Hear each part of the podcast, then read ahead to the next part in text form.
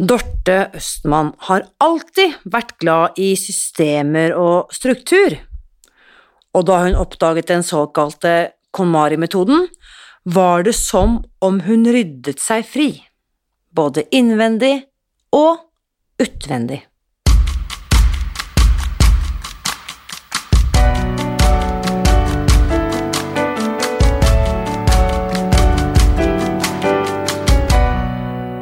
Mitt navn er Irina Li. Jeg er journalist og forlegger, gründer og sosialentreprenør. I 2015 spiste jeg meg fri fra overvekt og fedme etter å ha slitt med vekt, kropp og følelser i nesten 30 år. Etter at jeg fant oppskriften på å spise meg fri, ga jeg meg selv et nytt oppdrag å dele denne kunnskapen med alle som trenger det. I første sesong av denne podkasten deler jeg hele lydboken eh, Spis deg fri. Den finner du ved å bla deg tilbake til høsten 2019. Og hver uke inviterer jeg nå gjester som gir deg påfyll til hodet, hjertet og magen. For min visjon er å endre Helse-Norge, og det får jeg ikke til alene. Du kan bidra ved å abonnere på podkasten, skrive en omtale i iTunes og dele denne episoden med noen du bryr deg om. Da setter vi i gang med ukens episode. Det er ikke alltid sånn at mer er bedre. Veldig ofte er mer bare mer, og det kan til slutt bli litt for mye av det gode. Det er i hvert fall min erfaring. Og den følelsen har jeg hatt mange ganger, både i forhold til mat, i forhold til klær og alle de andre greiene jeg har fylt opp livet mitt med. Og derfor ble jeg så innmari glad da jeg eh, oppdaget eh, eh, Dorte Østmann på Instagram for noen uker siden, på hennes profil som heter Mindre er mer. Det ga meg liksom en følelse av balsam innvendig å lese og se hvordan hun har ryddet seg fri fra tankekjør og kaos. Og da jeg satt og så dette på Instagram, så tenkte jeg sånn vil jeg ha det neste år. Sånn vil jeg ha det i 2021. Og hva som må til for å få til det, det skal jeg snakke med Dorte om i dag, og da setter vi i gang. Kjære Dorte, tusen takk for at du ville være med på podkasten. Takk for det. Takk for at jeg fikk lov til å være med. Vi har jo ikke truffet hverandre før vi nå ser hverandre på denne Zoom-skjermen. Hvor, hvor, i verden er du hen? Jeg sitter i Halden. Jeg er ja. på Halden, ja. Så mm. Fordi jeg fant deg, eh, holdt jeg på å si, på Instagram. Der jeg en sen kveld satt og scrollet gjennom. Og så ser jeg jo at du driver med det prosjektet som har stått liksom øverst på ønskelisten min i gudene vet hvor mange år, mm. nemlig Marie Kondo-metoden. Ja.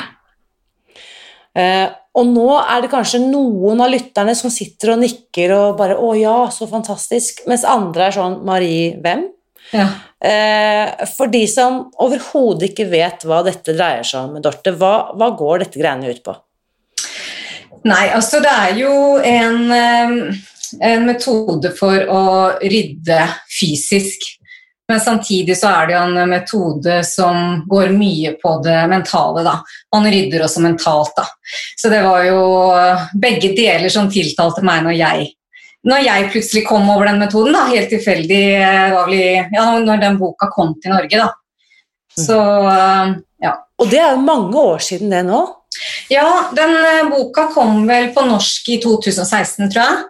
Og så ja. ble den vel gitt ut i 2011 i Japan, liksom. Men, eh, men eh, ja, tok noen år, da, før den mm. ble oversatt. Så, så da er jeg nysgjerrig på hvor gammel er du, Dorte?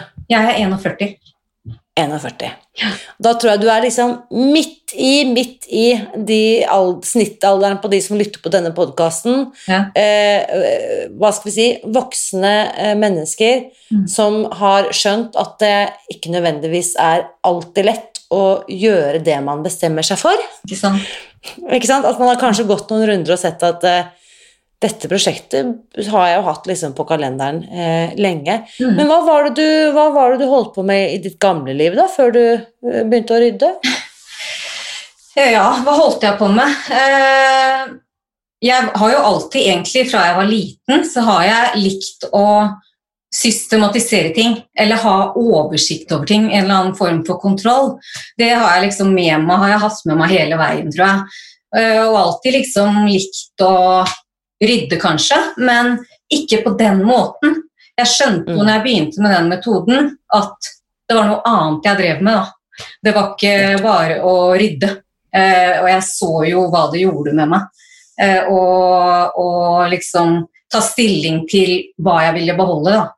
Og jeg gikk jo gjennom absolutt alt jeg hadde i huset mitt.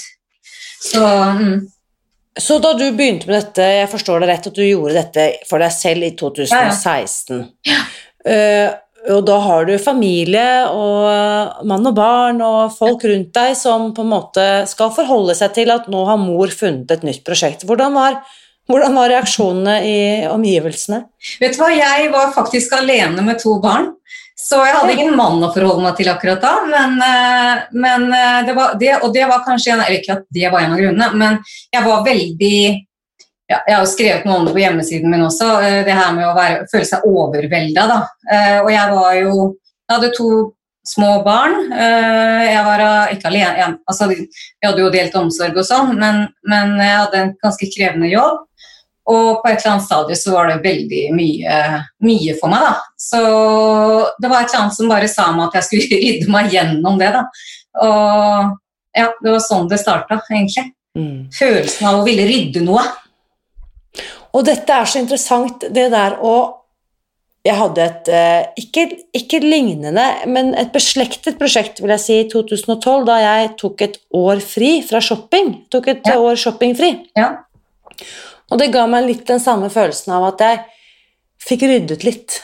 Skapt litt Mm. luft og litt avstand og litt eh, klarhet, og ikke fylle på, ikke lesse ned, men Mhm. heller tvert imot bruke opp og gi fra meg, typ. ja, ikke sant? Um, og jeg ville Jeg tror ikke jeg på en måte Nå hadde jeg aldri hørt noen beskrive dette konseptuelt heller, da, men, Ja.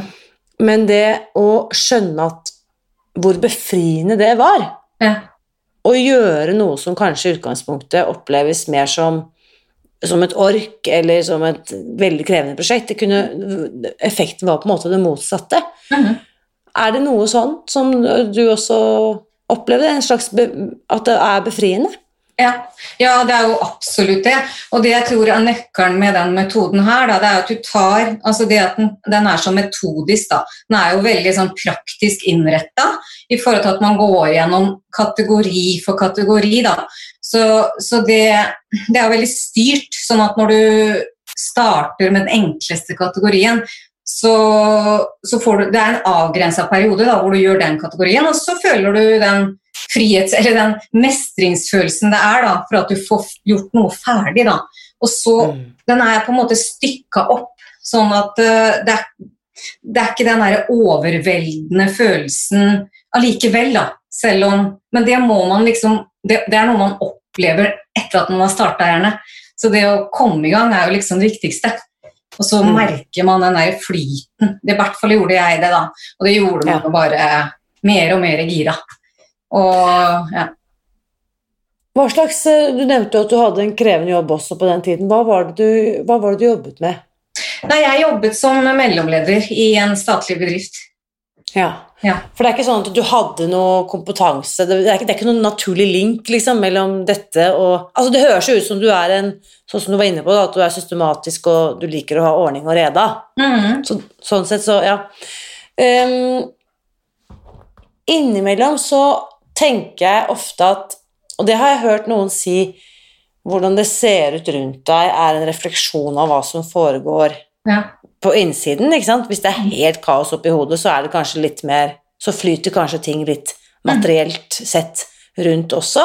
Mhm. Um, jeg vet at du veileder folk som nå ønsker å sette i gang med dette ryddegreiene. Ser du det når du kommer hjem til folk, at, eh, at eh, hjemmet eller omgivelsen kanskje gjenspeiler eh, personligheten? ja, det tror jeg.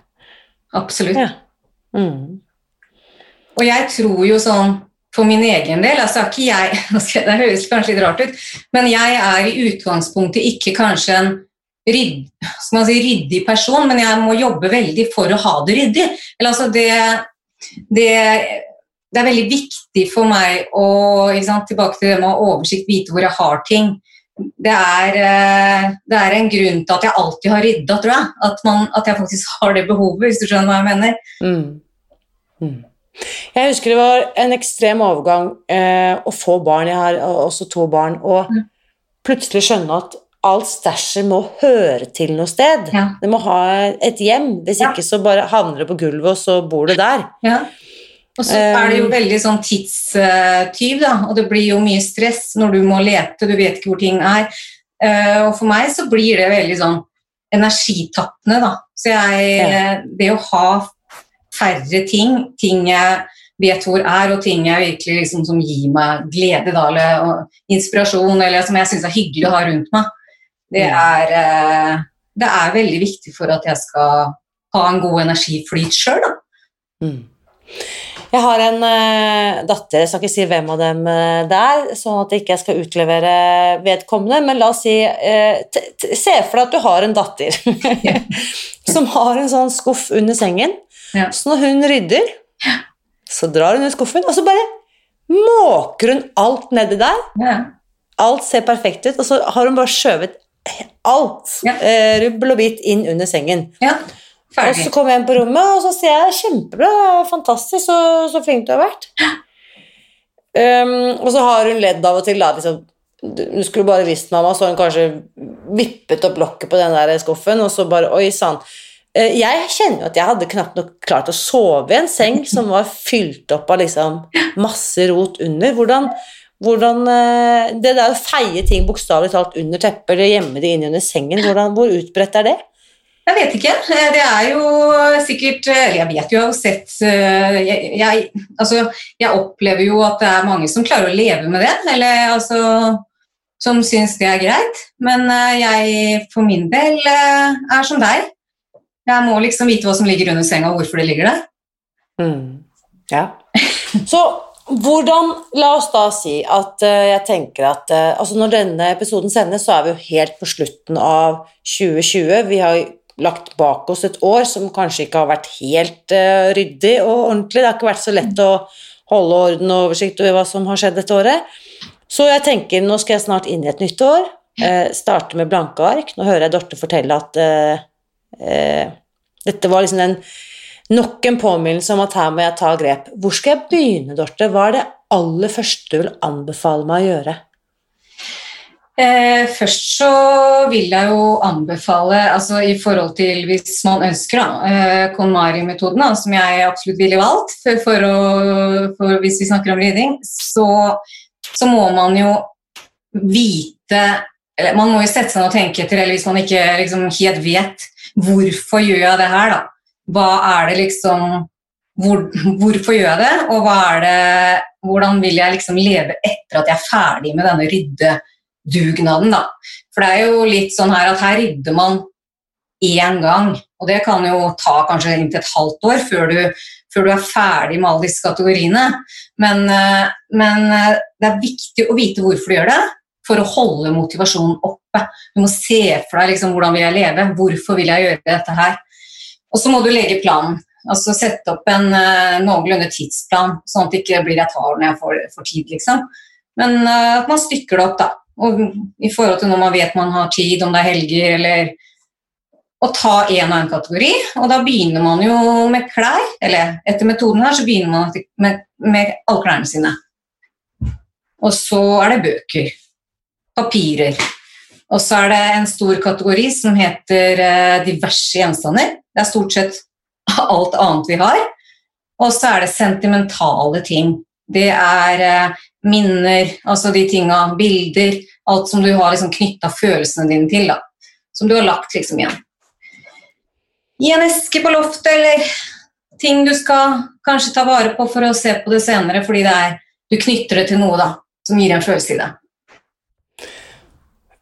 Jeg har umiddelbart kommet på et eksempel. Um, jeg har skrevet mange kokebøker, uh, og den aller første kokeboken jeg var med på å skrive, der var rett og slett eh, fjernsynskjøkkenets Ingrid Esple Hovig Ja. korrekturleser.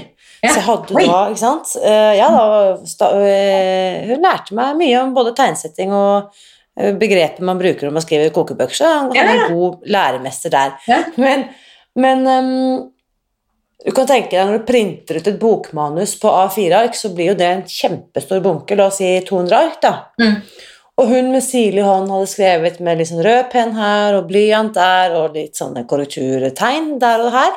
Mm. Og dette har jo jeg da, arkivaren Irina, har jo på en måte hamstret på alle disse her tingene, og den lå nederst i det store arkivskapet. Mm. Så var jeg i gang med en eller annen sånn, ikke en sånn stor opprydning som du snakker om, men en mindre opprydning i Mm. den skuffen. Og så tenkte jeg, halleluja, nå har jeg hatt dette manuset liggende her i 18 år. Nå kaster jeg det. Ja. Ikke sant? Det var, satt litt og så på det og tenkte tilbake på det samarbeidet, Mm. og så ferdig med det. Mm. Så går det en dag, og så dør hun. Nei. Ja, Oi. Dagen etter var hun død. Uh, og det var jo en nasjonal begivenhet ikke sant? når hele fjernsynskjøkkenets mor uh, Ja. uh, går, går bort. Og da fikk jeg helt sånn eh, Da fikk plutselig det dokumentet en annen verdi, da. At Oi, burde jeg Var det dumt at jeg kastet det? Altså, jeg fikk litt sånn der bondeanger. Jeg følte at jeg kanskje hadde gjort noe Ikke at det spilte noen rolle, eh, men, men skjønner du hva jeg mener? At Ja. det skjer ting etter at du har bestemt deg for å kvitte deg med det, og kanskje du Mhm. også har kastet det eller destruert det, og så skjer det et eller annet som gjør at Mhm. Oi. Ja. Og det kan jo, holdt jeg på å si Det man tenker litt om å kaste sånne type ting, er jo at eh, det sitter i minnet ditt uansett, da. Altså de viktige tinga vi opplever, det har du med deg allikevel. Sånn at det er et incitament for å kunne liksom slippe, slippe det fysiske dokumentet du egentlig sitter med, da. Så det du kan gjøre, er å ta et bilde, og så kan du ha det Altså du kan minimere liksom eh, hvor mye plass det tar. Men, eh, men det er jo litt sånn at hvis du sitter med ting, så kan det godt hende at du legger ja, det legger jeg der borte, og så, så kan jeg ta fram det når jeg vil tenke på det. Men at vi når vi har kasta det, da, så at vi, at vi faktisk har det nærmere oss allikevel, hvis du skjønner hva jeg mener, i minnet. da. Så det er litt det som ligger bak det at denne metoden her mener at man skal stort sett kaste ikke, Man skal beholde det som liksom tilfører glede, men man skal være veldig sånn eh, bevisst på hva man ikke beholder, da. Hvis man Ja, hvis du skjønner. Mm. Så litt om denne KonMari-metoden, selvfølgelig da oppkalt etter opphavskvinnen eh, Marie Kondo. Dette er jo blitt en global, internasjonal bevegelse. Har du noe peiling på hvor mange, som, hvor mange som følger dette, eller hvor mange som har tatt til seg disse prinsippene? Vet man noe om det? Akkurat tallet på det vet jeg ikke, men jeg vet jo at det er altså sånne sertifiserte konsulenter, da. Det er vel en 400-500 stykker rundt om, spredt godt rundt om i verden. Ja. Eh, Og- Som jobber sånn som jeg gjør, da. Hvor mange er dere i Norge, da? Jeg tror det er en fire-fem stykker. Ja. Så har dere da liksom et eh, nettverk dere imellom også? Eh, Vi har ikke etablert eh, noe fast nettverk enda, men vært inne på tanken, så jeg har vært i kontakt med et par av de. ja, så det syns jeg er en veldig spennende tanke, da, og noe jeg tenker er liksom veldig bra at man samles, da. Så når du tok denne sertifiseringen, eh, møtte du Marie Kondo? Har du Ja. Mm. Hvordan er hun? Hvordan hun er? Ja. Nei, hun er eh, veldig koselig, holdt jeg på å si, dame. Hun snakker ikke engelsk, så hun, har- hun har en tolk ved siden av seg. Så jeg var jo Det var jo et seminar, så jeg snakka ikke med henne personlig, men, eh, men det var hun som sto foran og, og holdt deler av utdanning, eller det kurset, da, som var en del av sertifiseringa. Så Hvor, hvor var det du sa du møtte henne? Dro du til Japan? New York. Til New York, ja. ja nettopp. Eh, fordi hun har jo eh, Det er jo interessant, det er jo noen sånne figurer ikke sant, som på en måte eh, Ja, kall det en folkebevegelse. Det er jo det hun egentlig har skapt. Eh, en eh, filosofi og en et eh, En livsvei, sikkert, for mange. Ja. betyr det da at du sa opp din stilling i staten og ble KonMari-konsulent på Nei. heltid? Nei. Jeg jobber 100% i staten fortsatt, jeg. Så dette her er jo noe jeg Det tok noen år før jeg faktisk gjorde ferdig sertifiseringen. For man har jo en sånn eh, Man praktiserer da ganske mye ute hos kunder eh, før man Så man må gjennom et ganske sånn langt løp for å bli sertifisert, da. Så det ble jeg jo nå i våres, faktisk. Men, Mm. eh, så det, er, det her er noe jeg gjør ved siden av jobben min eh, nå, da.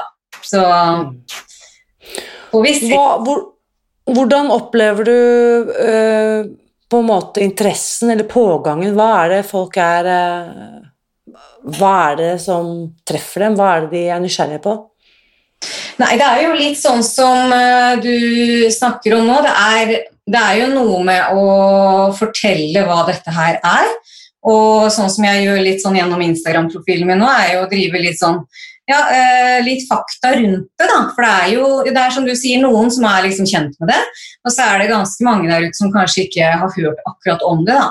Så eh, det er jo det jeg tenker at jeg vil spre kunnskapen rundt det, og min opplevelse. For den er virkelig sånn at jeg kjenner den inni meg. liksom. Det her brenner jeg så mye for. Og jeg, det er så mange jeg opplever liksom eh, står der hvor jeg sto, da. Hvor jeg følte meg liksom veldig nedlessa. Og at jeg sto fast, liksom. Og så vet jeg bare min egen følelse hvordan det var for meg. Og den, den, jeg, den er så fin å se andre også opplever da, når jeg eh, hjelper andre. Så det, det bare Ja, det her er riktig for meg å liksom opplyse om, da. Selv om det kanskje tar litt tid. Så brenner jeg for det. Tro meg, jeg kjenner den følelsen og Ja. føler at jeg har funnet noe som virkelig har gitt meg et eh, bedre og lettere liv, og nesten en sånn eh, Jeg har ofte referert det til, eh, referert eh, til det som en sånn slags moralsk forpliktelse, og Ja. sett, s- gjøre flere oppmerksom på at det finnes faktisk en vei ut av kaoset, da, enten det handler om kosthold eller Ja. rydding eller Ja, ja. eh, Ja. uorden. Mm. Jeg, leste, jeg har lest meg opp litt på Spis deg fri-metoden, som, eh, som du jobber for. Så det, jeg ser jo mange likhetstrekk eh, ja, Ja, for det er det, ikke sant? Det er på en måte å eh, ta noen sånne strukturelle grep i hvordan jeg velger å leve livet mitt, og hva jeg velger å fylle på med og gi slipp på. Ja, akkurat. Og det mentale som, som kommer som en, eh, som, et, som en bonus der, da. På begge, begge delene syns jeg det er veldig spennende. Mm. Det er jo Men det som jeg opplever, da, hvis vi skal på en måte trekke den parallellen litt lenger, er at eh, la oss da si at uh, snart er det 1. januar, jeg har bestemt meg for å si farvel til sukker og mel, og mange gir uttrykk for at de kjenner en sorg. De skjønner at det er fornuftig, de skjønner at det er dette de skal gjøre, Mm. de tror på det, de vil det, de er klare. Og så sier de, men Rina, jeg må innrømme at jeg blir veldig lei meg. ja. Men jeg tenker Mm. at jeg aldri mer skal. mm. Og så lurer jeg på, Dorte, er det kanskje er det noen lignende følelser som kan være i sving på de som sitter da med den Mm. papirbunken, Mm. som de intellektuelt skjønner at nå er det på tide at jeg kaster denne? Mm. Ja, absolutt så tror jeg det er det. Eh, det. Det er jo noe med det her eh, å gå fra noe til noe annet. Da. Det å gå gjennom en endring som kanskje kan være litt eh, Ja, det er rett og slett litt skummelt for mange. Da. Uavhengig av hva det er, egentlig, så er endring noe som kan virke skummelt, eller at det virker stort å komme over. eh, og, og sånne ting. Så det er jo der jeg liksom tenker at kanskje jeg kan være til hjelp, da. Fordi metoden i seg sjøl kan man jo egentlig lese seg opp på eh, og lære seg. Men det er gjennomføringa og det å Som man liksom noen ganger trenger noen som står der, da, og liksom hjelper deg litt av gårde. Så det det er, det er, jeg vet ikke, det er noe med mennesker som vi henger igjen i ting, eller vi henger igjen i gode eller dårlige vaner, da. Mm. Og det er litt komplisert, tror jeg. Men det å få litt støtte og sånn underveis, det tror jeg er helt avgjørende, da. Ja, det er min erfaring også. Det er ganske mye som blir enklere hvis vi kan gjøre det sammen og ta følge med noen som har gjort det før, og som kan liksom gi oss aksept da, for at dette er ikke bare lett. Nei. Dette er ikke bare noe du burde få til, eh, og i hvert fall ikke nødvendigvis på egen hånd. Så det, det har jeg veldig troen på. Og så må jeg bare si at um, det er jo noe med det, Sånn som nå ser jo ikke de som hører dette, bakgrunnen din, men det er ikke sånn det skal bli tomt. Det skal jo ikke bli sterilt. Det skal fortsatt være liksom ditt hjem og dine ting, og Mm. det er ikke om å gjøre å få det liksom Bli kvitt alt. Nei, nei, det her er jo ikke, det er jo ikke minimalisme. Det er jo ikke det vi snakker om her. Eh, her skal du beholde det som gir deg glede. Du skal, det du, du skal omgi deg med det du kjenner at, du, at eh, gir deg noe positivt. Da. Så det, er jo, det kan jo være veldig mange ting for noen. Eh, men du skal gå gjennom alle tingene og kjenne på om du får den følelsen. Da. Og det er også noe, du må trene på, holdt jeg på å si. Eh, du må det er, det er litt sånn rart å tenke at du skal, ja, skal Hva gir meg glede, liksom? Det er noe du må, det noe du må trene på, da. Derfor begynner det med den enkleste kategorien også, som er klær, da. Som skal være litt enklere. Så, så når du tok for deg klesskapet ditt, altså da, fire år siden, da var du ikke sant, syv, eh, 37 Ja. eh, Hvor mange sekker snakker vi om at du tok farvel med, eller var, eller var det ikke så halvgal inn i klesskapet? Hvordan så det ut hos deg? Jo, det var jo masse. Eh, og så var det jo litt sånn for meg at jeg jeg hadde jo ikke noen som sto og liksom eh, jeg, jeg var jo litt der at jeg hadde lest boka. Så jeg, eh, jeg rydda nok litt sånn Jeg gjorde jo metoden, eh, men jeg tok også nye runder på klær da, etter et halvt år. Eh, fordi at jeg Jeg fikk liksom ikke gjort alt ved første steg, da. Så det, det kan jo også være at man liksom tar opp kleskategorien en gang senere, hvis man føler at det er fortsatt mye her som jeg ikke klarte å velge ut hva som ga glede da, den gangen, for da har du trent litt mer. Så det er jo ikke sånn at det er ulovlig å rydde, gjøre metoden en gang til hvis man liksom kjenner at man ikke fikk helt taket på det med en gang. da. Så jeg holdt vel på jeg tror jeg holdt på et halvt år, men jeg gjorde kategoriene i den rekkefølgen. Men jeg, jeg, altså, jeg tok også liksom klærne en gang til, da. Så det er jo ingenting som er ulovlig, for å si det sånn. Så da blir jeg også veldig nysgjerrig på hva du da velger å fylle på med. Jeg vil jo tippe at inputet inputtet inn i det klesskapet er betydelig mindre enn det man har vært tidligere. Ja, man får jo en eh, Det er jo det som skjer. Du, du får noen refleksjoner, ikke sant. Eh, over eh, hva, hvordan du også konsumerer. Så det har jo liksom det aspektet i seg, har det i hvert fall hatt for meg. da, At jeg er, nest, jeg er ikke så interessert i å skaffe meg så mye mer ting. Jeg vil ha det jeg liker. Eh, og et eksempel på det var faktisk i går. Så var jeg i en butikk hvor du får, sånn, du får eh, to batteripakker for prisen av én, og så får du med en sånn her eh, lampe, sånn hodelykt. Og jeg bare Nei, vet du hva, jeg, tusen takk, men hodelykta trenger jeg ikke. Og det er jo liksom, Skal du ikke ha den selv om den er gratis? Nei, jeg, jeg, ellers takk. Så du får den herre ja, eh, greia med at du har ikke så lyst på ting lenger. Fordi Mm. det Ja, det er en bevissthet. Jeg tenker ofte på det samme jeg, hvis jeg er på noe, i en sammenheng hvor det kommer noe sånn goodiebag, eller det kommer noe sånn gave, sånn freebies og sånn. Og det er stort sett liksom ting jeg egentlig ikke har lyst til å ha i hus. Ja. Uh, og så syns jeg det er så synd at det produseres så mye søppel. Akkurat. Um, kunne uh, Hvis vi ønsker å eh, dele noe, kunne det kanskje vært noe Altså, det, kunne vært noe annet Ja. enn en uh, fysisk ting Ja, som kanskje det, ingen trenger. Det er jo den verden vi lever i, og det, er jo, det her er jo også med på Hvis hver enkelt av oss tar liksom de refleksjonene, eller den øvelsen, da, så For det er jo overkonsumpsjon. Eh, I aller høyeste mange grad. sammenhenger som Mm. er negativt på mange måter. Da. Jeg lurer på en ting jeg må Jeg blir veldig nysgjerrig. Er det noe som du ser at du i din iver eller uvitenhet eller eh, feilkobling at du kvittet deg med som du angrer på, eller som du på en måte ikke burde ha gjort? Eh, nei. Jeg kan ikke si at jeg husker at det er noe jeg angrer på. Nei. Nei.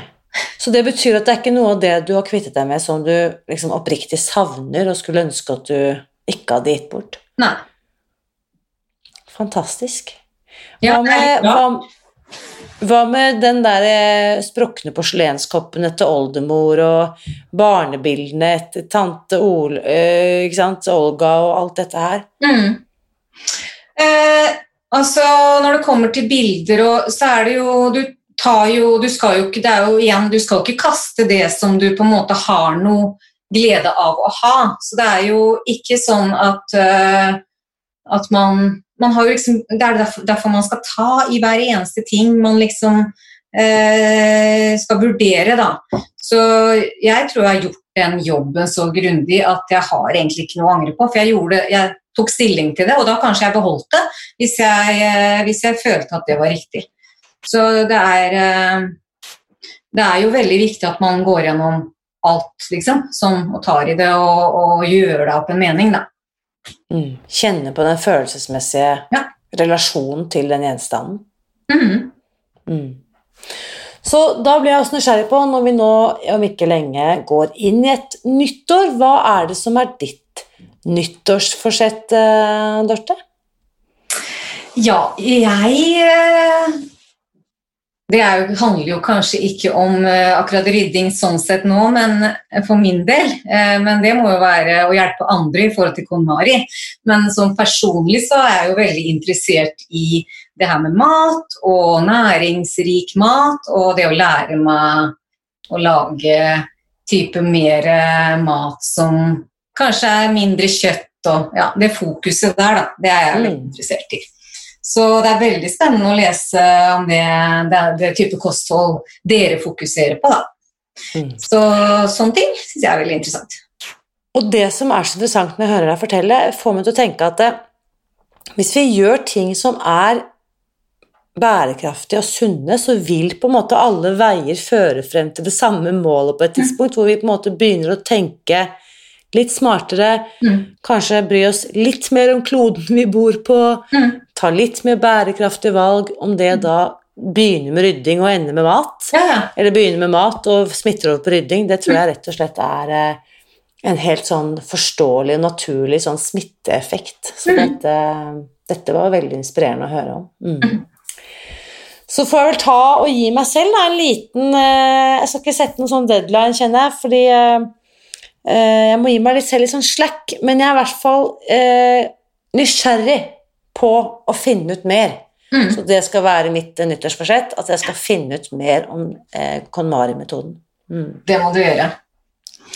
Da vet du hvem du kan spørre hvis du trenger råd. Det vet jeg da, Dorte, og tusen, tusen takk for at du kunne være med her i dag og inspirere eh, meg enda mer til å skjønne at dette er greia jeg må begynne på. Mm. Tusen takk for at jeg fikk lov til å være med. Hva tenker du etter å ha hørt min samtale med Dorte i dag? Og har du bestemt deg for hva som skal være ditt nyttårsforsett for året som kommer? Jeg vil gjerne høre fra deg, så bli med inn i den åpne Facebook-gruppen Spis deg fri, hvor samtalen etter ukens episode fortsetter som vanlig. Dorte er også med i den gruppen, og jeg er sikker på at hun kan svare på dine spørsmål og hjelpe deg til å komme i gang hvis ditt mål er å rydde deg fri. Når det er sagt, det kan hende at det er noe annet enn rydding som føles viktig for at du skal få et lettere liv i 2021. Så hvis dine utfordringer er knyttet til mat, vekt og helse, så vil jeg gjerne gjenta invitasjonen fra forrige uke og oppmuntre deg til å bli med i den tidsbegrensede pop-up-gruppen Storefri 2021 på Facebook, som eh, vi har dratt i gang for å få litt for å gi deg litt ekstra drahjelp hvis du er klar for å starte nå. Og her er vi nå en stor gjeng som eh, har holdt eh, følge med hverandre gjennom disse juledagene, og det fortsetter vi med et stykke ut eh, på nyåret. Så bli med inn i eh, pop-up-gruppen eh, Storefri 2021. Eller kanskje du bare har lyst til å heie på alle de andre som setter i gang nå. Du finner oss eh, uansett eh, ved å søke på Storefri 2021 på Facebook, eller klikk på linken som du også finner i omtalen av ukens eh, episode. Neste søndag, det er da faktisk første episode av fjerde sesong av denne podkasten. Den eh, sesongdebuten den har jeg ikke tenkt å la forbigå i stillhet, for da har jeg nemlig invitert en av Sveriges mest populære forfattere og foredragsholdere, nemlig Lars Johan Åge. Han og jeg skal snakke om hva vi kan gjøre for å bli happy-happy i året som kommer, og hvem vil vel ikke det etter det året vi nå legger bak oss. Så kom tilbake neste søndag, det vil si neste år ny sesong, og hvis du vil bidra til å spre litt ekstra glede og varme på tampen av dette året, så titt innom iTunes og legg igjen fem stjerner. Da lyser opp min dag, i hvert fall, samtidig som du sørger for at enda flere kan oppdage denne podkasten. Så tusen takk for hjelpen, og takk for følget så langt. Uansett hva slags nyttårsforsett eh, du har satt deg for året som kommer, så vit at jeg heier på deg. Alltid.